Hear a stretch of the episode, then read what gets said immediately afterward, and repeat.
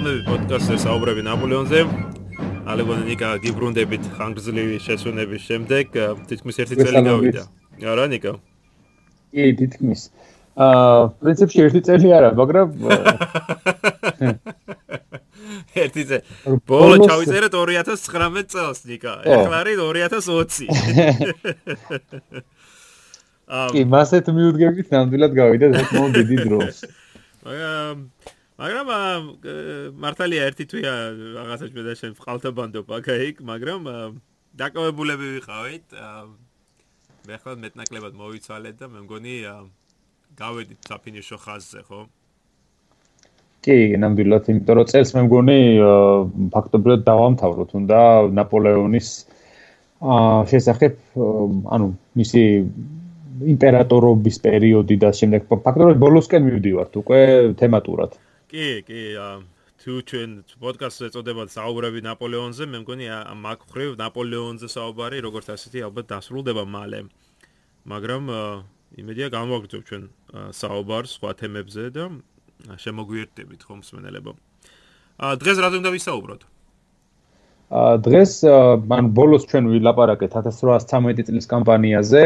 ა იმის შემდეგ იყო პოდკასტები ტალეირანის შესახებ და დღეს ახლა გავაგზავნებთ 1813 წლის შემდეგ უკვე 1814 წლის კამპანიას, ანუ ფაქტობრივად ნაპოლეონის ომების პირველ ძირითად ეტაპს ვამთავრებთ. ამით, ну, მეორე და 100 დღის პერიოდი თუ მეორე მათ ჩავთვლით რა ქვია პერიოდად, მაშინ პირველი ეტაპი აქ თავდება ნამდვილად. დიახ, წინა პოდკასტში ჩვენ ვისაუბრეთ, ჩვენ როგორც აღნიშნე, ლაიფციგზე და ნახეთ ჩვენ თუ რა პირო რა ფაქტორებმა განაპირობეს ნაპოლეონის დამარცხება ამ გადამწყვეტ ბრძოლაში და ლაიფციგის შემდეგ, როგორც ნახეთ, ფრანგებმა დაიხიეს უკან საფრანგეთისკენ. ამ ბატონო? სხვა გზა აღარც ჰქონდათ ფაქტობრივად. სხვა გზა ხო, არ ჰქონდათ ნამდვილად. ამ 1814 წლის შემოსევა რიგით მეხუთე შემოსევა არის, ესე შეჭრა საფრანგეთში 1700 წლიდან, ანუ უკანასკნელი 100 წლის განმავლობაში, ხო, მაგრამ ისათვის უკვე მეხუთე ჯერ ხდება შეჭრა. პირველი კრენელს არ ვიცი რამდენად ემახსოვრება, მაგრამ 1709 წელს იყო შემოსევა. 1712 წელს მერე უკვე 1792-13 წლებში და 1799 წელშიც იყო ცდელობა, ხო? მაგრამ აი ამ წინა 4 ცდელობის დროს საფრანგეთის თავდაცვითმა სისტემამ, ხო, სებასტიან ვობანის მიერ აშენებულმა თავდაცვითმა ზღუდემ, ხო, ეს უნიკალური ციხისიმაგრეები რო ააშენა, ხო, ბასტიონის სისტემის. ასევე საკმაოდ დიდი ზომის ფრანგულმა ჯარმა შეძლო საფრანგეთის საზღვრების დაცვა. ამჯერად ცოტა არ იყოს განსხვავებული ვითარება ხდება ჩვენ. დავიწყოთ იმით, რომ მოკავშირეთა ძალები ბევრად აღემატებოდა იმას, თუ აი წინა წლებში, ხო, წინა შემთხვევებში და საფრანგეთის მოწინააღმდეგეს ძალებს. იმ იმდენად დიდი იყო მოკავშირეთა ძალები, რომ მათ თავით სუფლად შეძლეს აი ამ ვობანის მიერ შექმნილი თავდაცვითი სისტემის გვერდზე შემოვლა. და მინას მინას შევახსენო, რომ ვობანმა მე-18 საუკუნის დასაწყისში ხო შექმნა ლუი მე-14-ის მარშალი რო იყო ეს წავონიშნოთ და სწორედ საფრანგეთის დაცვის მიზნით ხო მან ააშენა რამდენიმე ძირითადი ციხისიმაგრე საფრანგეთის ჭრდილო და ჭრდილო აღმოსავლეთით. ყველა მათ შორის ყველაზე მნიშვნელოვანი იყო ვერდანის, მეცის, თიონვილის და მეზიერის ციხისიმაგრეები, რომელთა გარღვევა აქამდე არ მომხდარა და მაგრამ აი ამ 1814 წელს მოკავშირეებს იმხელა ძალები გააჩნია და იმდენი ქვეყანა მონაწილეობს ამ ამ ომში რომ მათ შეუძლიათ გვერდი აუარონ ამ ამ ამ ჯარებს. ამ ზომაზე რიცხოვნობას რაც შეეხება, ა წინა 92-93 წლებში ავსტრიელთა და პრუსიელთა ჯარები რო უტევდნენ საფრანგეთს, ა მათი საერთო ოდენობა მხოლოდ 100000-მდე აღწევდა. ამავე დროს საფრანგეთმა ხო შეძლო მობილიზირების შედეგად დაახლოებით რამოდენიმე შემოსევიდან რამოდენიმე თვეში დაახლოებით 220000-იანი ჯარის გამოყვანა, ანუ პირიქით რიცხობ რიცხობრივი უპირატესობა ფრანგების ხარეს იყო. 1814 წელს კი ნაპოლეონის ძინამდე იდგა თითქმის მილიონიანი ჯარი. ესენი იყვნენ რუსები, ავსტრიელები, შვედები, რუს ხო, რომ არაფერი თქვა ესპანელებზე, ბრიტანელებზე, პორტუგალიელებზე, ხო? რუსია რა თავარია. ამა წინამდე ნაპოლეონს გააჩნდა მხოლოდ 220000 კაცი, რომელთაგან 60000 იყო სამხრეთში, სულტის მეთაურობით, ხო ებრძოდა ბრიტანელებს. აა მათ ეხმარებოდა ასევე სუშეს 37000-იან კატალონიაში რა? კატალონიაში. აა ანუ ეს თლიანობაში არის 60 და 37 97000, ხო? ამას უნდა დაუმატო დაახლოებით 50000, რომელსაც ეჟენ ბოარნეს გააჩნდა იტალიაში. ანუ ავედით უკვე 100 ხო 150000-მდე და დაარჩენი ჯარი დაახლოებით 70000, 75000 იყო, რაც ნაპოლეონს გააჩნდა ძირითადი მოკავშირეთა შემოსევის შესაჩერებლად. პირადი ხელმძღვანელობის ქვეშ. პირადი ხელმძღვანელობამდილად. უფრო მეტიც, რო ჩავეძიოთ ამ 70000 კაცს, დავინახავთ რომ ამ 70000-იან კაცს ჯარში ნაპოლეონი განიცდიდა ძალიან დიდ უკმარისობას артиლერიაში და 1812 წლიდან მოყოლებული ხო ამ რუსეთში განადგურების შემდეგ ფრანგული კავალერია კლავ შესუსტებული არის რომ ხო ამას კიდე დაემატო აი გერმანიაში და ლაიფციგთან განცდილი ზარალი.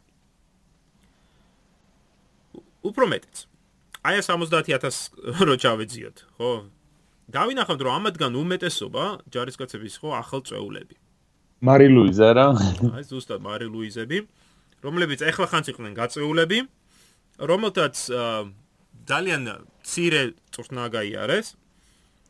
მაგრამ გასაოცარია ჩემთვის ის რომ ეს ჯარის ეს ეს ეს ბავშვები მართლაც დიდი მხნეობით და შემართებით გაემართნენ საბრძოლველად. რამდენიმე რეგიონალური კვლევა არის ამ საკითხზე და ერთ-ერთი კვლევა კვლევის ფოკუსი იყო კუბერვილის გაწვევის დეპოში გაწეული ჯარისკაცების კვლევა არის და და ამ კვლევის მიხედვით საინტერესო არის რომ 50000 კაცი გავიდა ამ კუბერვილის დეპოში 2813 წლის მიწურული 1814 წლის კამპანიის დროს და აქედან მხოლოდ 1% ანუ 50000-დან მხოლოდ 1%-მა გადაწყვიტა დეზერტირება. დაარჩენები წავიდნენ და მსახურობდნენ და დაბრუნდნენ და ნან დაიღუპნენ, მაგრამ მხოლოდ 1% შეეწინააღმდეგა და გაიქცა, ან დაიმალა. და საკმაოდ საინტერესო სტატისტიკაა თავის ხრივ, იმიტომ რომ ხშირი არის მithometes ბრიტანულ ხო სწრეებში ნაპოლეონის აღწერა, როგორც აი ხო იცი კორსიკელი მონსტრი, რომელიც ბავშვებს შტანდქავდა. კაციჭამია. კაციჭამია, ხო. მაგრამ ნაპოლეონს კარგად ესმოდა თახო საფრთხე სამხედრო პოლიტიკური თვალსაზრისით რომ ამ ბავშვების გაწევა არ არის არ იყო მეტად სახარბიელო და არაერთხელ აი აღნიშნავს კიდევაც ამას მაგალითად ლაიფციგის შემდეგ 25 ოქტომბერს 1803 წლის მან მიწერა არაერთი წერილი თავის სამხედრო მინისტრს კლარკს და ერთ-ერთში მაგალითად ის აღნიშნავს რომ უყიდერესად საჭიროა რომ გაწეულები იყვნენ მამაკაცები და არა ბავშვები ანუ ახალგაზრდებს შეგულისხმოს ხო ჩვენს ახალგაზრდობაზე უფრო ვაშკაცი არავინა ამ ქვეყნად, მაგრამ ქვეყნის დასაცავად კაცებია საჭირო.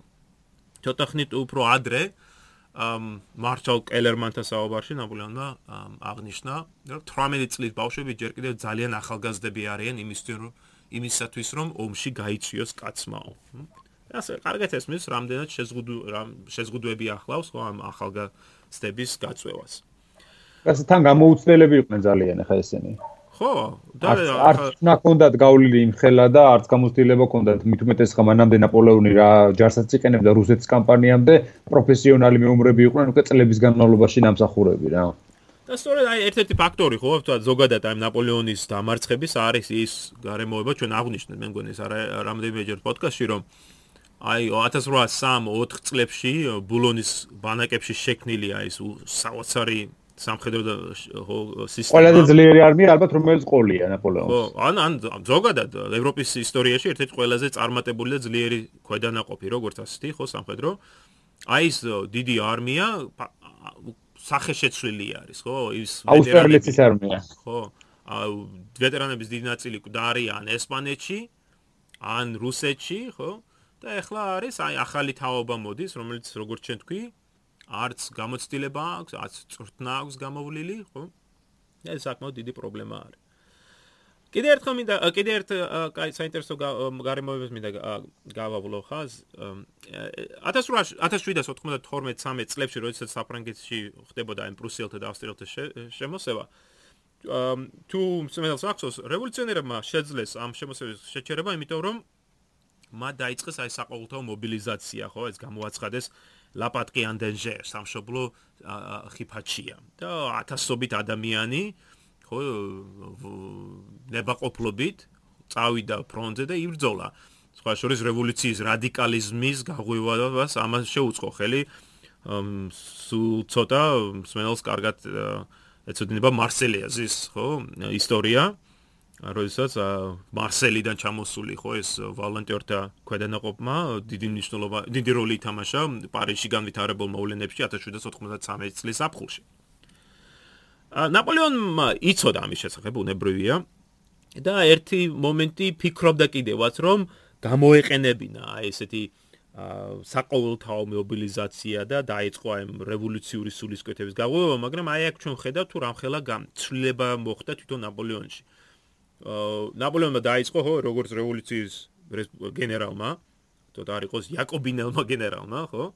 მაგრამ აი უკვე ამ დროისათვის ნაპოლეონი არის იმპერატორი და მას ნამდვილად არ სურს გააღვივოს აი საყოველთაო პოპულისტური ხო პატრიოტული მაგრამ ასევე რადიკალური სულისკვეთება ქვეყანაში რომლის გაკონტროლება შეიძლება მან ვერ შეძლოს. ამიტომ მას რაც სურს არის რომ სახელმწიფო აპარატის მეშვეობით მობილიზირება მოსახლეობის ომისათვის მას არ სურს აი ესეთი ზოგადად რევოლუციური სულისკვეთების გაღვივა აა აი სწორედ ამ ამ პერიოდში არის ის რო იტყვის რომ 60000 კაცი და მე 100000 კაცს უდრითო ხო თავის თავს 40000 კაცს უთანაბრებს. ცოტა სხვა ისე მაქვს მე მაგის ვერსია კიდე სხვაგან წაკითხული 50000 ჯარისკაცი და მე უკვე 150000 ვარ მაგის ციტატა არის მაინტერესა ინტერესო აა მე საიდან მოვიდა ეს ციტატა? აა ეს ეს ერთ-ერთი წერილიდან არის. აა ამ ნაპოლეონი ცდილობდა საზოგადოებრივი აზრის გაკონტროლებას თავისი იმპერიის პერიოდში და ბუნებრივი ამ 1814 წელს მსგავსი კონტროლი მხოლოდ კაცრდება და მას სურს რომ არანაირი კრიტიკული მოსაზრება ან ან ან კრიტიკა როგორც ასეთი არ გაჟღერდეს მის მიმართ, ასე რომ საკმაოდ კაცრად აკონტროლებს პრესას. ამ გარკვეულწილად ნაპოლეონი იმედგაცრუებული დარჩა იმით რომ აი მე კი აღნიშნე იმას რომ ახალგაზრდები რომლის გაწეულები იყვნენ უმეტესწილად ხო 99% საკმაოდ წავიდა და იმსახურა და დარჩა მაგრამ ზოგადად ნაპოლეონი იმედგაცრუებული იყო აა იმით რომ მის აი გაწევას რომელიც მან გამოაცხადა 814 წელს აა იმის მას ნაცვლად რომ გამოცხადებულიყო და ჯარში გაწეული იყო დაახლოებით 400000 კაცი. სახელმწიფო აპარატმა მხოლოდ 100000 კაცის გაწევა შეძლო, ანუ საკმაოდ მცირე რიცხვებია. თლიანობაში ესე ალბათ საინტერესო სტატისტიკა იქნება ეს. თლიანობაში იმპერიის დროს ნაპოლეონმა გამოაცხადა 15 გაწევა. აა ოფიციალური გაწევა და მე დამატებით კიდე 18 მცირე გაწევები იყო. აა აი 1804 და 1813 წლებს შორის და აა მთლიანობაში საფრანგეთიდან იყო გაწეული, ანუ უბრალოდ საფრანგეთისა და იმის იმპერიის უშუალო შემადგენელ ნაწილებიდან გაწეული იყო 2 მილიონ 400.032 კაცი, ანუ საკმაოდ საკმაოდ სოლიდური რიცხვი არის. ამ ამადგან ნახევარზე თითქმის ნახევარი ამადგან გაწევების მოხდა სწორედ 1813 წელს და აი 1814 წლის დასაწყისში. და რა საინტერესო ის არის რომ ჩვენ ხედავთ რამდენად უჭირს ნაპოლეონს ვინაიდან აა ხდება აი ადრე ადრე დაწესებული სამხედრო მოთხოვნების თანდათანობით შემცირება რა. აა მაგალითად საფრანგეთში ჯარში იყო მინიმალ მოთხოვნა თუ რამდენად დაბალი შეიძლება ყოფილიყო რომ მაინც გაწეულიყავი ჯარში. აა მაგრამ აი ამის შემცირება ხდება ასტორე 13-14 წლებში და საკმაოდ დაბალ ხალხსაც იწოდნენ ჯარში გაჭიროებაში იყვნენ. ამ 1800 1800 წლიდან რო გადავხედოთ 1813 წლამდე ზოგადად დეზერტირთა რიცხოვნობა და იყო დაახლოებით 10-15%. 1813 წელს კი ეს საკმაოდ გაიზარდა. აი კლავი მინდა ხაზი გაუსვა ამ საინტერესო გარემოებას, ხო? ახალგაზრდები მიდიან და საკმაოდ შემართებით მსახურობენ, მაგრამ აი ზოგადად რო გადავხედოთ, გაწეულებს, ანუ მათში აქ საუბარი არის ზრდასულ მამაკაცებზეც, ხო? დეზერტირობა, დეზერტირთა ოდენობა საკმაოდ იმატებს, დაახლოებით 30 13%-ს აღწევს დეზერტირების რიცხოვნობა. უფრო მეტიც ზოგიერთ დეპარტამენტში, მაგალითად ვოკლუსში და ჩრდილოეთში მდებარე რამოდენიმე დეპარტამენტში საკმაოდ დიდი მღელვარებაც არის გამოწეული აი ამ გაწვევის პატარა დაბა ხაზობრუკში 1200-ზე მეტი კაც შეიკრიბა, როდესაც ადგილობრივმა სუპრეფექტმა, ადგილობრივ გამგებელმა, ასე ვთქვათ, გამოაცხადა, რომ ახალი გაწვევა იქნება და ეს ამ ხელა ბრბო დაახლოებით 1200 კაცამდე, როგორც თქვი, შევარდა ადგილობრივ აა გამგებლის ოფისში, ხო? და მოკლა ის ყველა შორის და გაანთავისუფლა გაწეულები. ასე ანუ ანუ არის აქ სახალხო დაღლა ამ ამ ომით, სახალხო დაღლა ამ გაწეულებით. ასე რომ ვერ ვიტყვით იმას, რომ ნაპოლეონი ხო ეს პოპულარული არის და ხო ხალხი მის მხარეზე არის, რა თქმა უნდა, სამოსახლეობის დიდი ნაწილი რო დაღლილი არის, თითქმის რამე 20 წლის განმავლობაში მიმდინარე ომით. დაღლილი არის გადასახადებებით, მით უმეტეს რომ 1813 წელს ნაპოლეონმა გაზარდა გადასახადებები ალკოჰოლზე, თამბაკოზე, მარილზე, სხვა შორის ბანკოს თამაშზეც დაწესდა გაზრდილი გადასახადები. და მართალია ფრანგები იხდიდნენ ამას, მაგრამ ასევე შეიმჩნევა დაღლა ამით ყოველის, ხო? აა 1814 წლის იანვარში მოკავშირეებმა გადალახეს საზღვარი და შეიჭნენ საფრანგეთში. რას ჩვენ რას ხედავთ ჩვენ ჩვენ ხედავთ რამდენიმე მიმართულებიდან შეტევას. იმიტომ რომ მოკავშირეთა ჯარიც, ხო, რამდენიმე მოკავშირეთა ძალები, ასე რომ ვთქვა, რამდენიმე ჯარისგან შედგებოდა. ჩრდილოეთში დამრავლრიცხოვანი იყო. ხო, ჩრდილოეთში მოქმედებდა ასე ავსტრიულ-პრუსიული ქვედანაყოფი.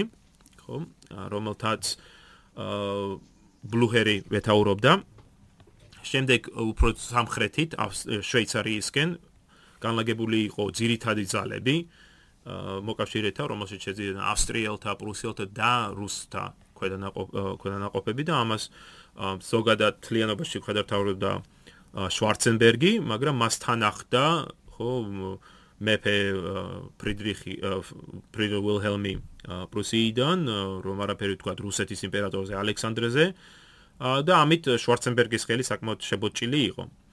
უკიდურეს ჩრდილოეთში, დაახლოებით ბელგიის საზღვარზე მოქმედებდა რუსთა და ავსტრიელთა კონტინგენტები, რომელსაც ბენკენდორფი მეთაურობდა.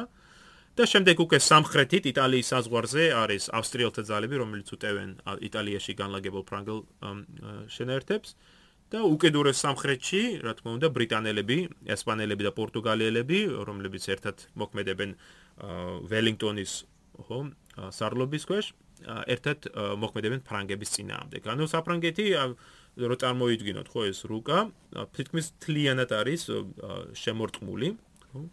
ჩრდილოეთიდან სამხრეთამდე ამ მოკავშირეთა ძალებით და ბუნებრივია ბრიტანელთა საზღვაო ძალები აკონტროლებენ სანაპიროს ასე რომ ვერც აქ ვერც ამ ხრიდან მიიღებენ მიიღებს ნაპოლეონი რაიმეს საშუალს კიდევ უფრო მეტიც იანვარი 1814 წლის იანვარი იმითაც არის საინტერესო რომ ნაპოლეონმა ნაპოლეონს ზურგი შეაქცია მისმა სიძემ ხო 1814 წლის იარო 11 იანვარს, ხო, მიურატმა, შენ როგორც აღნიშნე. მიურატმა რომელიც სპეციალ შევახსენებ იყო ნეაპოლის მეფე. მან ხელი მოაწერა ავსტრიასთან ხელშეკრულებას, რომლის თანახმადაც ავსტრია თანხდებოდა აღიარებინა მიურატის მეფობა ნეაპოლში. იმის სანაცვლოდ რომ ნაპოლეონს განდგომოდა მიურატი და დახმარებოდა ავსტრიას იტალიიდან ფრანგების განდევნაში და არც იყო გასაკვირი მაინც და მაინც მის რეაქციელი. აბა. მიურატი დათანხმდა და ამ ხელშეკრულების თანახმად 30000 კაცი გამოიყვანა ეჟენ ბოარნეს წინააღმდეგ იტალიაში. აა შენ მომდევნო რამდენიმე კვირის განმავლობაში ხდება სწორედ შეტაკებები ფრანგე ფაქტორა ფრანგებს და მათ მოკავშირეებს შორის აა ყოფილ მოკავშირეებს შორის ვანკონაში, რომანაში და ასე შემდეგ. ნაპოლეონი ძალიან გამწერებული იყო ამით და სხვა შორის სავარისთან საუბარში, როდესაც მიურატმა ხელთ ჩაიგდო რომი, ნაპოლეონმა სავარისთან საუბარში აღნიშნავს კიდევაც, რომ აშკარა არის, რომ მიურატი არ არის მთლად ჭკვიანი და რომ შეცდომა დაუშვა, იმით რომ განმიდგამეო. და ამაში ნაპოლეონი იმას გულისხმობდა, რომ მიურატს ხო აშკარად იმედი ჰქონდა, რომ მოკავშირეები აღიარებდნენ მას მეფედ, მაგრამ ნაპოლეონს ხედავდა რომ ეს აღიარება ვერ მოხდებოდა, იმიტომ რომ მოკავშირეებს კიდევ გამართლა კიდევაც მისი ვარაუდი რომ ხო მოკავშირეებს უნდათ ძველი ხო ლეგიტიმური ხელისუფლების აღდგენა და მიურატე ეს ლეგიტიმური ხელისუფლება ვერ იქნებოდა. მართლაც ეს 1814 წლის იანვარში განუდგა მიურატი და 1815 წელს მკვდარი იქნება რა. აა ძირითადი ბრძოლა საფრანგეთისათვის იქნება იყო უბრალოდ საფრანგეთის ჩრდილო აღმოსავლეთ რეგიონში, შამპანის რეგიონში, ხო, შამპანიურის ცნობილ სამშობლოში. ამ ეს საინტერესო ადგილი არის, ხო, შორის წინ შარშან მე მგონი შარშან, თუ შარშან წინ როდესაც ვიყავი საფრანგეთში ჩასული, კიდევ ერთხელ გავიარე ეს რეგიონი ადგილობრივი ბრძოლების, ხო, ბრძოლის ველები მოვინახულე. და საი ზოგადად გაშლილი ადგილი არის, მაგრამ ფთაფერდობიანი ესეთი, ასე რომ ვთქვა და საკმაოდ ბევრი მდინარე არის, რომ ვთქვა სენის, მარნის, ენის მდინარეები, რომლებიც ზოგადად მიიმართებიან ასე აღმოსავლეთიდან დასავლეთისკენ, ხო, ატლანტიკის ოკეანისკენ. და ანუ ზოლა რომ როგინდოდეს აქ, რა თქმა უნდა, გიწევს ამ ამ მდინარეების გადაკვეთა. მაგრამ აი მოკავშირეებმა უბრალოდ თუ ჭრდილოეთიდან მოდიხარ ხო მოგიწევს ამ დინარების გადაკვეთა მაგრამ მოკავშირეებმა ამას გამოსავალი მონახეს იმით რომ იმის იმის ნაცვლად რომ ჭრდილოეთიდან ჩამოსულიყვნენ სადაც როგორ აღნიშნე იქნებოდა ვერდანის მეცის მეზიერის ძიდი ციხისიმაგრეები მათ უფრო სამხრეთით ჩავიდნენ შვეიცარიის საზღვრამდე და შემდეგ უკვე აღმოსავლეთიდან შეუტიეს და ამით ფაქტურად მათ არ უწევდათ იმდენად მდინარეების გადალახვა, რამდენადაც თვითონ მდინარეების პარალელურად, ხო, ამ ხეობებში მიყვებოდნენ მათ. და ამ რითად ბუნებრივია გაი გაიადვილეს ეს ეს ეს მამოცანა. ა კიდევ ერთ საინტერესო არის ის რომ 1814 წელი იყო ერთ-ერთი ყველაზე მკაცრი, ყველაზე ცივი ზამთარი, რაც აა უკანასკნელი 100 წლის განმავლობაში შორის არის საინტერესო კვლევები, რომელიც აჩვენებენ, რომ 1814 წლის ზამთარი ყველაზე ცივი ზამთარი იყო 100 უკანასკნელი 160 წლის განმავლობაში. აა ასე რომ გავრცელებული იყო ამ ომის დროს ჰიპოთერმია, ხო, ნემონია, რომ არაფერი თქვა, შიმშილზე და სხვა დაავადებებზე, მაგალითად ტიფუს ტიფის ეპიდემიაც გავრცელდება ჯარისკაცებში, განსაკუთრებით მაინცთან ყოფებში. აა თლიანობაში აა რო გადავხედოთ ამ ამ რეგიონს დავინახავთ რომ საკმაოდ ცირე ზომის რეგიონი არის. აა 12 დიდი ბრძოლა იქნება ამ კამპანიის დროს და აქედან 9 9 ბრძოლა იქნება ძალიან ცირე მონაკვეთზე. მონაკვეთზე რომელიც არის დაახლოებით 150 კილომეტრი 60 კილომეტრზე, ანუ საკმაოდ ცირე ზომის რეგიონში ხდება ეს ეს ყოველივე. სიმჭიდროვე მაღალია საკმაოდ. ხო, სიმჭიდროვე მაღალია და სწორედ აი ამ აი ამ გარკვეულ ამ სიმჭიდროვის გამო არო ნაპოლეონი ესე წარმატებულად მოქმედებს, ხო? მის წინამდე არის როგორც აღნიშნე, რამოდენიმე ჯარი, მათ შორის არის ყველაზე მნიშვნელოვანი შვარცენბერგის ბოჰემიის ჯარი, და ბლუჰერის სილეზიის ჯარი, რომელიც ერთობლივად წარმოადგენდა დაახლოებით 350.000 კაცს. აი ეს ორი ჯარი. ნაპოლეონს გააჩნია დაახლოებით ეს 70.000 კაცი, რომელიც აღნიშნე, რომელთა რომელიც რომელიც დაყოფილია რამდენიმე корпуსად. ამ როგორც ნახეთ 1813 წელს მან საკმაოდ ბევრი მარშალი დაკარგა, ხო? მარშალი და გენერალი. 50-ზე მეტი გენერალი ან დაიჭრა და აიღუპა რამდენიმე მარშალი, ხო, მათ შორის პონეტოვსკი და ასე შემდეგ. ამიტომ ნაპოლეონს თან ახლავს ამჯერად მხოლოდ ბერტიე ნეი ლეფევრი ვიქტორი მარმონი მაკდონალდი უდინო და მორტიე. ანუ რვა მარშალი ყავს თან შევახსენებ სვენელს რომ სულტი და სუშე სამხრეთში იბრძვიან. ესპანეთში ლეტო ესპანეთში უკვე უკვე საფრანგეთში უკვე უკვე აღარ ესპანეთში ესპანეთი აქედან ხარეს თუმცა ყველაზე ბოლოს ალბათ სუშემ დატოვა რა ესპანეთი მაინც ხო კი სუშე საკმაოდ საკმაოდ საინტერესო პიროვნება არის არ მახსოვს გავაკეთე ჩვენ პოდკასტი მასზე არ მგონია ხო მანდ ჩავიწეროთ ერთი ამ ამ ვინაიდან ნაპოლეონმა დააყო თავისი ჯარი ამ ამ კორპუსების თავისი მიზნების განსახორციელებლად აა ნაპოლეონს უშუალო თავისი ხელმძღვანელო თავისი უშუალო მის ხელმძღვანელობის ქვეშ დარჩა მხოლოდ 36000 კაცი რომელსაც გააჩნდა 126000 ოსი 36000 კაცი 136 ქვემეხი. და 26 იანვარს სწორედ აი ამ პატარა ქვედანაყოფით ნაპოლეონმა პოზიცია დაიკავა ვიტრი ლეფრანსუასთან აა ახალი წელი არის, რა თქმა უნდა, ახალი ესე დაწყებული და ნაპოლეონის ერთ-ერთი პირველი ბრძანება იყო ბერტიესათვის, რომ ჯარში დაერიგებინათ 300.000 შამპანიური და კონიაკი. და იქ აა ბრძანებაში უწერია, უკეთესია, მირჩენია ჩემმა ჯარისკაცებმა დალიონეს ყველაფერი, ვიდრე მოწინააღმდეგეს ჩაუვარდეს ხელში. ხო, თან ისეთი ცივი ზამთარი იყო, რომ ეს ემონებოდა. აა ნაპოლეონმა რა თქმა უნდა არ გააჩნია ხა კავალერია საკმარისი, მაგრამ რაც გააჩნია, ის იყენებს დაზვერ დაზვერვისათვის და აი სწორედ იანვრის მიწურულს ამ დაზვერვამ შეატყობინა, რომ ბლუხერ და და შვარცენბერგი არ მოქმედებდნენ ესე შერწყმულად, ხო კოორდინირება არ იყო და რომ ბლუხერი უფრო წინ მიიწევდა, მაშინ როდესაც შვარცენბერგი ბატონო პარიზის მიმართულებით მიდიოდა. იო, პარიზის მიმართულებით, მაგრამ უფრო ჩქარა მიიწევდა ბლუხერი ვიდრე შვარცენბერგი. და მათ შორის გაჩნდა ხო ეს დაშორება. ბლუხერი არის ცოტა უფრო ჩრდილოეთით, ამ დროისათვის უფრო სენდიზიეს მიმართულებით მიდის. მაშინ როდესაც შვარცენბერგი უფრო სამხრეთით არის.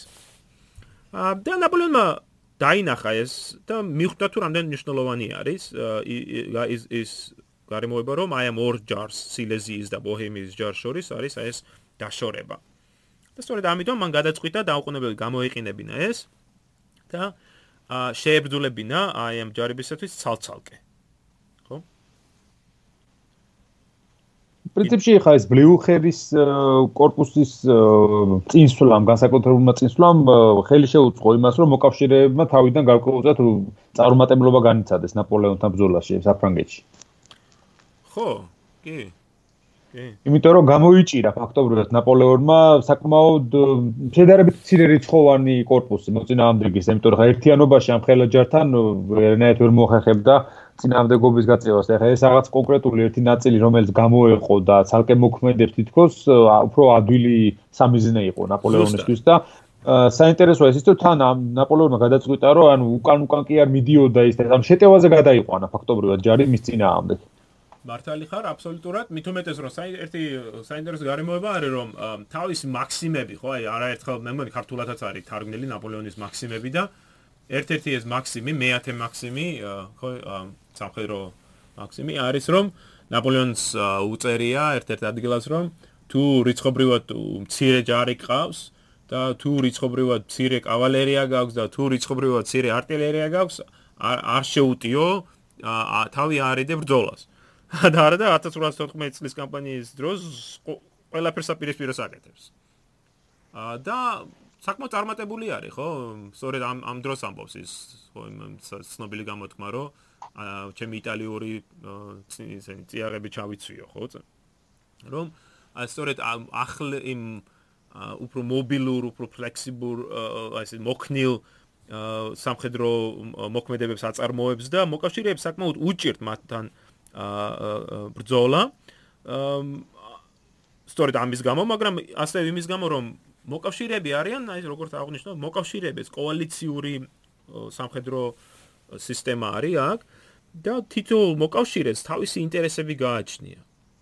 ჩვენ ვიცით მაგალითად უკვე ახლა ამ დღევანდელი გადასახედიდან რომ ავსტრიელებს ნამდვილად არ სურდათ ნაპოლეონის ჩამოშორება თლიანად ხო გადაგდება მისი მათ არ არ სურდათ რეჟიმის შეცვლა დღევანდელი გამოთქმა რომ გამოვიყენოთ საფრანგეთში ვინაიდან მათ ამ დროისათვის 1814 წლისათვის ისინი უფრო მეტად შიშობდნენ თუ რასიზმ და რუსეთი განსაკუთრებით პოლონეთში და სწორედ ნაპოლეონის საფრანგეთში ყოფნა ავსტრიელთა აზრით შეძლებდა აი რუსეთის აღმოსავლეთში რუსეთის აღზევების ხო გაბალანსირებას.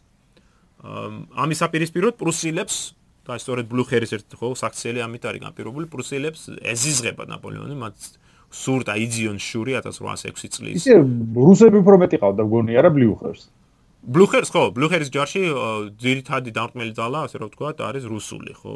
პრუსიელ პრუსიელები განაწილებულები არიან მაგრამ ხო ძირითადი ნაწილი არის რუსების ლანჟერონის კორპუსი არის აქ. ამ და აი პრუსიელებს სურთ, ხო, რომ პარიზი ჩაიგდონ ხელ და ნაპოლეონი გადააგდონ და ვთქვა შეცვალონ რეჟიმი. ალექსანდრე, რუსეთის იმპერატორ ალექსანდრესაც სურს, ვთქვა რეჟიმის შეცვლა. მაგრამ მას არ აქვს გარკვეული ზუსტად ვინ შეცვლის ნაპოლეონს ხო ერთი დღე ერთ მომენტში მას ბურბონების ხარეზე უნდა აა ბურბონების ვის ხარეს დაჭერა მეორე დღეს ბერნატოტისკენაც იხრება და ცოტა არის გაურკვეველი ვითარება არის ალექსანდრეს შეეხება ანა ნაპოლეონი ამას ეს ეს ეს ეს ეს განხეთქილება ასე ვთქვა და მოკავშირეებს შორის როცა ავსტრიელები უფრო ნელა მოქმედებენ და ჩვენ ხედავთ აქ აი შვარცენბერგი უფრო ნელა ფრთხილად მოქმედებს მაშინ როცა პრუსიელები და რუსები უფრო აქტიურად არიან ხელს უწყობს ნაპოლეონს თავ წარმატებებში. ამ პირველი ბრძოლა, ძირითადი პირველი მნიშვნელოვანი ბრძოლა ხდება სწორედ 29 იანვარს და ხდება ბრიენთან. მსმენელს ალბათ შევახსენებ თუ იმედი აქვს. სწავლობდა ნაპოლეონი. ნამდვილად, ხო, აქ სწორედ აქ პატარა რამდენი წლის იყო მაშინ? 10 წლის მე მგონი, ხო? 78 78 ხო, 9-10 წლის იყო. როდესაც ბრიენის სამხედრო სკოლაში ჩავიდა ეს პატარა ბიჭი, კორსიკელი ბიჭი.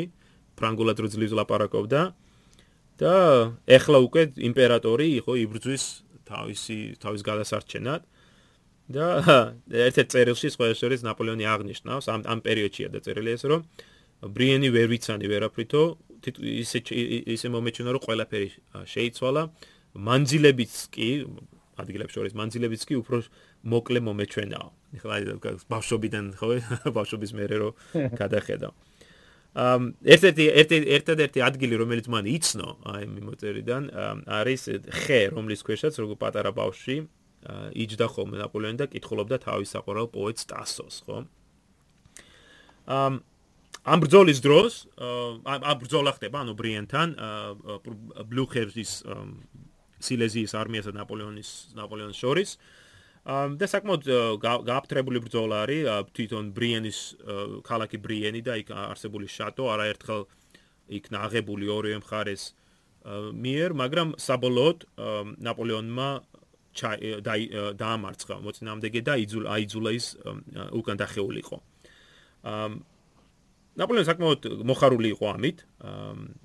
სხვა შორის უხვა და აჯილდოა ის ოფიცრები რომელსაც თავი გამოიჩინეს ამ ამ დროს მათ შორის გურგო რომელსაც აჩუკა თავისი ხმალი ნაპოლეონმა რომელსაც ნაპოლეონი იბრძოდა მონტენოტესთან და ლოდისთან. ანუ ეს კიდევ ერთხელ კავშირი ხო ეს 1796 წლის კამპანიასთან. მაგრამ ამ ბრიენთან ბრძოლა ძვირი დაუჭდა ნაპოლეონს და შევახსენებს მელს დაახლოებით 36000 კაცი ყავს აქ ბრიენთან და ამიტგან დაახლოებით 5000 კაცამდე დაიჭრა და დაიღუპა ამ უდინო, ჩვენი ძველი მეგობარი უდინო, რომელსაც ამ დროისათვის უკვე 20-ზე მეტი ჭრილობა აქვს, კლავ დაიჭრა. აუ, მაგარი უიღბლო იყო, არა? ამ პრუსიელები იძულებული იყვნენ დახეული იყვნენ ბრიენიდან დაბა ბარსურ ობისკენ სადაც ისინი შეუერთდნენ ავსტრიელთა კონტინგენტებს, რომელიც რომელთა მეშვეობითაც ისინი დაუკავშირდნენ შვარცენბერგს. ნაპოლეონი ამრიგად იდგა ესე ამ ჯარ ორ ჯარს შორის და ელოდებოდა რომელი ამ ორ ჯარიდან რომელი წამოიწევდა პირველი წინ რათა შეფრძოლებოდა მათ ამ და შემდეგ ამ დროისათვის ასევე მან მოიხმო მარმონის корпуსი რომლის შედეგადაც მისი ჯარი ნაპოლეონის ჯარი გაიზარდა 45000-მდე. სწორედ ამ გაძლიერებული ჯარებით მან შეუტია შემდეგ მოკავშირეებს ლაროტიესთან პირველ თებერვალს. ლაროტიეს ბრიენთან ახლოს მდებარეობს და მე მგონი 5 თუ 5 თუ 7 კილომეტრის მანძილზე არის ეს ძალიან შორს არ არის. და სწორედ აქ შეუტია მან მოკავშირეებს კლავ ლაროტიესთან ხდება დიდი ბრძოლა მოკავშირეებს ყავ დაახლოებით 85000 კაცი ნაპოლეონის დაახლოებით 45000 კაცი. ფრანგებმა შეძლეს პოზიციების დაცვა და იმ თვითონ ამ ლაროტიეს სოფლის დაცვა თელი დღის განმავლობაში მაგრამ დაღამებისას ნაპოლეონი იძულებულია უკან დაიხიოს. ეს ბრძოლა საკმაოდ ძვირი დაუჯდა. ნაპოლეონს დაახლოებით 5000 კაცი დაიჭრა და დაიღუპა. თუმცა მოკავშირეთა და ზარალი უფრო მეტი იყო. ერთ-ერთი ყველაზე მნიშვნელოვანი ზარალი რაც ნაპოლეონმა განიცადა ამ ბრძოლაში იყო ის რომ მათ ამ ბრძოლაში ვერ შეძლო 73 ქვემეხის გაყვანა ბრძოლის ველიდან, ანუ საკმაოდ დასუსტა მისი артиლერია. ამ ლაროტიასთან დამარცხების შემდეგ, თუმცა აქ ჩვენ ჩვენ წრეებში ამ სამხედრო ისტორიკოსთა წრეებში ჯერ კიდევ მსჯელობთ, მართლა იყო ეს დამარცხება როგორც ასეთი აა თუ არა, იმიტომ რომ ნაპოლეონმა თავის პოზიციები დაიცვა, მაგრამ ის თვითონ ფაქტი რომ ის დაიხია, მან დაიხია ბრძოლის შემდეგ, ну, ცხადყოფს რომ ეს ეს ეს ბრძოლა არ იყო ფრანგების წარმატება. ამ ლაროტიეს შემდეგ მოკავშირეები ფიქრობდნენ, რომ ნაპოლეონი უკან დაიხევდა პარიზისკენ. და ამიტომ მათ დაიწყეს ნელა მსვლელობა პარიზისკენ ორი ორი სხვადასხვა ხეობის ხეობაში, ასე რომ ვთქვა. შვარცენბერგი მიიწევდა ობის მდინარე ობის და სენის ხეობებში, მაშინ როდესაც ბლუხერი მიიწევდა მარნის და პეტიტ მორინის ხეობებში. ასე პარალელურად დაახლოებით რამოდენმე დაახლოებით 20 30 კილომეტრის მანძილზე არიან ერთმანეთთან დაშორებულები. ამ მაგრამ კლავ, აი ახლა კიდე მინდა აღნიშნო რომ მათ შორის არის აი ეს მანძილი. და სწორედ აი ამ ნაპოლეონმა კლავსა და აი ამის გამოყენება. მაგრამ იმისათვის რომ გამოიყენებენ ეს სრულად მას სჭირდება დრო, ხო, რომ თავისი ჯარის რეორგანიზაცია მოახდინოს, დამხმარე ძალები მოიყვანოს და აი გარკვეულწილად აი ამან განაპირობა ის რომ 5 თებერვალს, ანუ ლაროტიესთან ბრძოლიდან 4 დღეში 5 თებერვალს დაიწყო მოლაპარაკებები ნაპოლეონსა და მოკავშირეებს შორის, რომელიც ისტორიაში შევიდა როგორც შატილიონის კონგრესი. ვინაიდან ეს მოლაპარაკებები ხდებოდა ქალაქ შატილიონ სურ სენში. ამ ეს კონგრესი, ეს მოლაპარაკება გასტანს დაახლოებით 1 თვეს, 5 თებერვლიდან 5 მარტამდე. ამ და ამ საინტერესო მოლაპარაკებაა, ვინაიდან მე ვფიქრობ ნაპოლეონს რომ სერიოზულად რომ ისდგომოდა ამ საქმეს და დომებოდა, ხო? ან მზადყოფილიყო წასულიყო დათმობებზე, ალბათ მას ის შეძლებდა ძალოფლებაში დარჩენას. რას გულისხმობა? ამ კერძოდ მოკავშირეებმა შესთავაზეს ნაპოლეონს, რომ ის დარჩებოდა ძალაუფლებაში, მაგრამ ამის საპასუხოდ საფრანგეთს უნდა დაეტოვებინა ყველა ის ტერიტორია, რაც ფრანგულმა ჯარმა დაიკავა 1792 წლიდან მოყოლებული. საკმაოდ დიდი დათმობა არის. ანუ ხო, ანუ რევოლუციამდელ პერიოდში როგორც იყო, იმ ხელაზე დაბრუნებულიყო. ხო. რევოლუციამდელ არა, ანუ რევოლუციის ომების ომებამდელ ბამდე, ხო, იმიტომ რომ 1791 წლის საზღვრებს საზღვრების ცნობა ცნობაზე იყო საუბარი და ეს რომ მომხდარიყო ნაპოლეო ისა საფრანგეთს მაინც ეკნებოდა უფრო დიდი ტერიტორია ვიდრე რევოლუციამდე მაგალითად იმან შეიძინეს რამოდენიმე ტერიტორია სამხრეთში ხო რომის პაპის ქვეშ რაც იყო აა მათ შორის ავინიონი ხო მაგრამ ბუნებრივია იმპერიაზე საუბარი უკვე ვეღარ იქნებოდა. ამ და აი ნაპოლეონმა ისე საყვირველია ესა რუსეთის იმპერატორს საერთოდ მაინც არ არ უნდა ნაპოლეონთან დაზავება ომის წინ და აა რატომ გადაწყვიტეს მაინც ისე? აი ავსტრიელები ხო, ავსტრიელები და ბრიტანელები. მეტერნიხის მეტერნიხის ის არის რა ხო. ხო, მეტერნიხი და ბრიტანელთა წარმომადგენელი ამ დროს არის ლორდი აბერდინი და მეტერნიხმა მეტერნიხი ბევრად უფრო გამოცდილი და ნიჭიერი პოლიტიკოსი იყო ვიდრე აბერდინი და სწორედ ამ შორის ამის გამო შეცვლიან კიდევაც ბრიტანელები აბერდინს. მაგრამ მეტერნიხი აი როგორც აღნიშნე, ბევრად უფრო ამ მომენტისათვის, ბევრად უფრო დიდ ყურადღებას უთმობს აი რუსეთის საკითხს. თუ რა მოხდება ომის შემდეგ. მეტერნიხი დარწმუნებულია, ომი დასრულდება, ნაპოლეონი საფრანგეთი დამარცხდება. მაგრამ აი ომის შემდეგ რა მოხდება? რამდენად ძლიერი იქნება რუსეთის პოზიციები აღმოსავლეთში? და აი მისი გაბალანსირება როგორ მოხდება და ამ ხრივ ანუ მოკლედ მეტერნიხი როგორც ტალეირანი ამ ევროპაში ბალანსის პოლიტიკას ემხორობა. ზუსტად. ზუსტად. ნაპოლეონმა როცა მიიღო ეს მოკავშირეთა მოთხოვნები, უარყო ისინი. და აი აი ეს მომენტი არის საინტერესო, ხო? ეს უკვე მეორეჯერ არის, მაგრამ მესამეჯერ სხვა შორის. მესამეჯერ არის, რომ ნაპოლეონმა უარი თქვა იმ დაზავებაზე, ვინაიდან მისი აზრით მოკავშირეები ბევრს ითხოვენ, ხო? შევახსენებ მსმენელს, პრაღაში იყო მოთხოვნათა ერთი ერთი შეთავაზება, შემდეგ ფრანკფურტში და აი ახლა კიდევ ერთხელ შატილიონში. ნაპოლეონის ერთ-ერთი გამართლება ის იყო, რომ როდესაც მან აი კორონაციის დროს, ხო, კურთხევის დროს, იმპერატორად კურთხევის დროს, როდესაც მან ფიცი დადო, ამ ფიცში იყო ნათქვამი, რომ ის დაიცავდა საფრანგეთის რესპუბლიკის ტერიტორიულ მთლიანობას. საინტერესო არა? იმპერატორი დებს რესპუბლიკის ტერიტორიული უსაფრთხოების და მთლიანობის ფიცს. და რომ აი ამ მოკავშირეთა მოთხოვნები ამ ტერიტორიულ მთლიანობას არ ღვევდა. აა და რომ ის ის არ დაარღვევდა თავის ფიც ასე რომ თქვა. აა სხვა შორის ეს ზუსტად ერთ-ერთ საუბარში მან განაცხადა კიდევაც რომ ნუ თუ მოგავშირეები მე მართლაც ელიან რომ მე ამ ხელ ამ ხელშეკრულებას ხელს მოვაწერ და ჩემს ფიც დავარღვევო. ბერტიესთან და მარესთან საუბარში აღნიშნავს ნაპოლეონი. აა გარკვეულწილად რა ეხლა მარტო ფიცზე ხო არ არის საუბარი აქ ნაპოლეონი დარწმუნებული იყო რომ აი ამ მოკავშირეთა მოთხოვნების მიღებით ი ფრანგულ საფრანგეთის ხო ასე საფრანგეთის მოსახლეობაში შეერყეოდა აი მისი ავტორიტეტი ასე რომ ვთქვათ რომ ნაპოლეონ აღნიშნავს რამდენიმე საუბარში რომ საფრანგეთის ხალხი ციტატა საფრანგეთის ხალხი არ დაუშვებს რომ მე დაურჩე ტახტზე თუ მე დამარცხებული ვიქნებიო. მე რაც მინახავს ახლა საუბუთებით არაერთი წამიკითხავს და მინახავს და არქივშიც მიმუშავია. ამაში ვერ დავეთანხმები ნაპოლეონს. ანუ რას გულისხმობ რომ ნაპოლეონი რო დამარცხებულიყო, ახლა უკვე დამარცხებულია ფაქტურად ახლა ამ მომენტში, მაგრამ აი ამ მომენტში რომ შატილიონის მოთხოვნები რომ მიიღო, ფიქრობ ის დარჩებოდა ძალაუფლებაში და საფრანგეთში არ იქნებოდა რევოლუცია, ან სახალხო აჯანყება და ნაპოლეონის ჩამოგდებოდა ამბები. მომდევნო წლის, ხო, 15 წლის მოვლენები, როდესაც ნაპოლეონის დაბრუნება ბევრ რეგიონში იქნა მიღებული, ხო, შემართებით იქნა მიღებული, ცხადყოფს იმას, რომ ხალხისთვის ნაპოლეონი იყო მაინც აი ამ რევოლუციური, ხო, მიღწევების სიმბოლო და გარანტია. და ისინი მზად იყვნენ დაეტოვებინა ნაპოლეონი ხელისუფლებაში, ოღონდ აი ომი დასრულდეს, ოღონდ აი აი საპოლიციო სისტემა რაც ნაპოლეონმა შექმნა ხო? აი ის ცოტა კონტროლის ქვეშ მოქცეული იყო.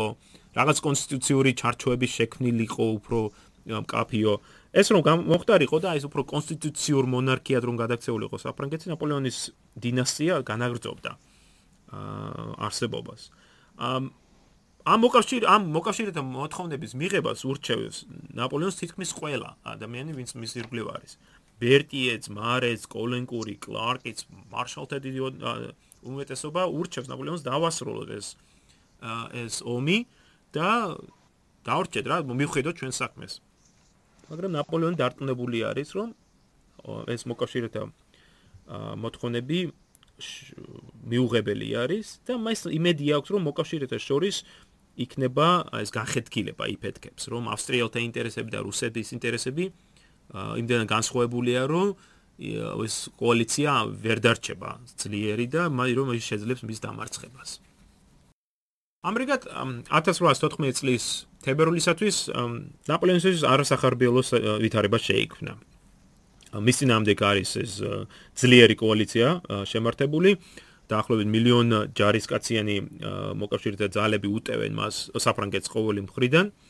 პირველი ბრძოლები ასევე არც ისე წარმატებული გამოდგა ფრანგებისათვის, ხო, ბრიენთან შეიძლება რაღაც წარმატება მოიპოვა ნაპოლეონმა, მაგრამ ლაროტიესთან ეს წარმატება გაქარწლებული იქნა და ამჯერად ეს ბლუხერის სილეზიის ჯარი და შვარცენბერგის ბოჰემიის ჯარი ნელ-ნელა მიიწევს პარიზისკენ. სწორედ ამ წარმატებების შედეგია, რომ უკვე 6 თებერვალს, ხო, ნაპოლეონმა გასცა საიდუმლო ბრძანება დაიწყოს საფრანგეთ პარიზში იმპერო საიმპერო ხაზინის ნელ-ნელა გაზიდვა. გატანა დედაქალაქიდან რომ დედაქალაქი რომ დაცემულიყო მაინც შესაძლებელი ყოფილიყო ბრძოლის გაგრძელება და მართლაც აი საიდუმლოდ აი მილიონობით ხო თანხა იყო დადე შეგროვებული და გატანილი ნელ-ნელა პარიზიდან საინტერესო ჩემთვის რომ როდესაც დენონმა ხო ლუვრის დირექტორმა როდესაც დენონმა მიწერა ნაპოლეონს და სთხოვა ნებართვა ლუვრის ევაკუაცია მომხდარიყო ნაპოლეონმა უარი უთხრა მას ვიდაიდან ეს იქნებოდა აი საჯარო ხო ახლა მთელი ლუვრის დახურვა და ევაკუაცია და მას არ სურდა აი მორალის გატეხვა საზოგადოებაში რომ საზოგადოებას უნდა სჯეროდეს რომ ეს ომი იქნება წარმატებული და მუზეუმი უნდა ყოფილიყო ღია თებერვლის თვე მართალია წარმატება დაიწყო მაგრამ დანარჩენი ნაწილი ამ თვის იქნება მართლაც საოცარი ვინაიდან თვეში ნაპოლეონი შეძლებს მართლაც შესანიშნავი სამხედრო კამპანიის ჩატარებას. გონი მის კარიერაში ერთ-ერთი ყველაზე გამორჩეული ის არის პერიოდია მაგრამ ხო, როდესაც ერთი კვირის განმავლობაში მოიპოვებს 6 გამარჯვებას, ხო, რაც გასაოცარია. მაგრამ მეტეს ამ პირობებში. მართლა ასეთ პირობებში. მაგრამ ალბათ უკეთესი იქნება, ხო, მაგ გავჩერდეთ ჩვენ და შესაძფერისი ყურადღება დაუთმოთ ამ კამპანიას ჩვენს შემდეგ პოდკასტში. შემდეგ შეხვედრამდე. მოგერ შეხვედრამდე.